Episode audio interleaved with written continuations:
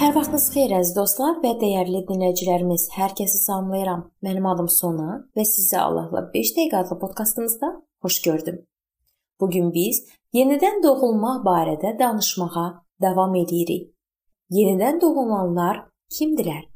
Onlar vəftizdə günahlarını Rəbbin ölümündə dəfn edirlər və onun yanında yenilənmiş bir həyata dirilirlər. Onlar ürəklərini Rəbbin sözü ilə sünnət edirlər. Onlar həqiqi əmr və Allahın kəlamına uyğun olaraq Məsihin imanlılar cəmiyyətinin itayətkar üzvləri kimi müqəddəs ruhla Məsihin ləkəsiz, müqəddəs bədəninə vəftiz olunublar. Onlar Məsihə bürünüb davranışlarında onun ruhunu, təbiətini və qüvvətini göstərirlər. Onlar bütün varlıqları ilə Allahdan qorxurlar.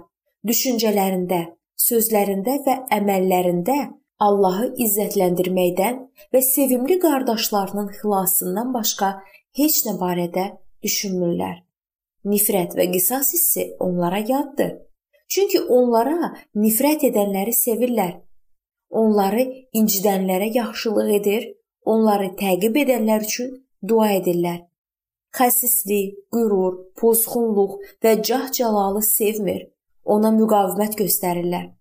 Həmçinin hər cür əyyaşlıq, pozğunluq, nifrət, paxıllıq, acıdillik, yalan, mübahisə, münaqişə, soyğunçuluq, qan tökülməsi və bütpərəstlik, bir sözlə bütün murdarlıqlar və cismin işləri onlara yaddır.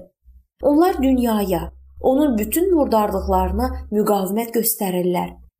Onlar Rəbbin qanunu haqqında gecə-gündüz düşünürlər. Onlar xeyrə görə sevinir, şərə görə kədərlənirlər. Onlar şərə şərlə yox, xeyirlə cavab verirlər.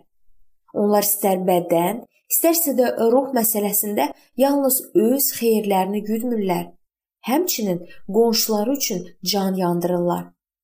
Onlar acları doyurur, susuzları içirirlər.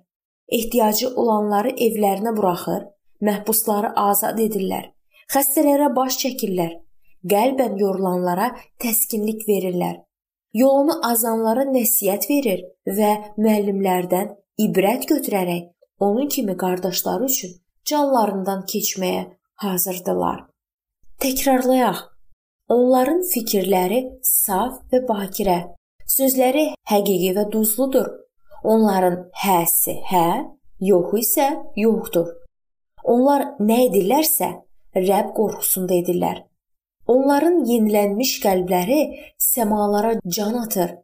Onların şuuru sülhlə və sevinclə doludur. Onlar bütün varlıqları ilə salihliyə can atırlar. Məsihin izzəti, onun sözünün şirinliyi və canların xilası onlar üçün dünyada hər şeydən qiymətlidir. Bu, yenidən doğulmuş insanları özünün sarsılmaz əsası, daha doğrusu özünün müqəddəs ruhu və sözü ilə yönəldən ruhani padşah idarə edir. O onları əsl ipək parçadan olan salihli paltarı ilə bürüyür. O onları öz müqəddəs ruhunun canlı suyu ilə təravətləndirir və həyat çörəyi ilə qidalandırır. Onun adı İsa Məsihdir. Onlar qılınclarından kötan, nizələrindən isə dəryaz düzəldən və daha döyüşməyi öyrənməyən sülh uşaqlarıdılar. Onlar Qeysərin haqqını Qeysərə, Allahın haqqını Allaha verənlərdilər. Onların qılıncı müqəddəs ruhda vicdanla istifadə etdikləri ruhani qılıncdır. Yenidən doğulan adamların digər təsvirlərini biz növbəti görüşümüzdə araşdıracağıq.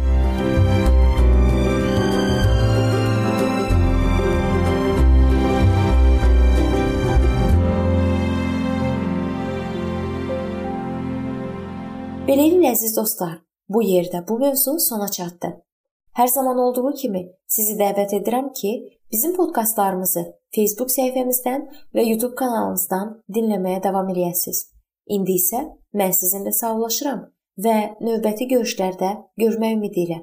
Sağ olun, salamat qalın.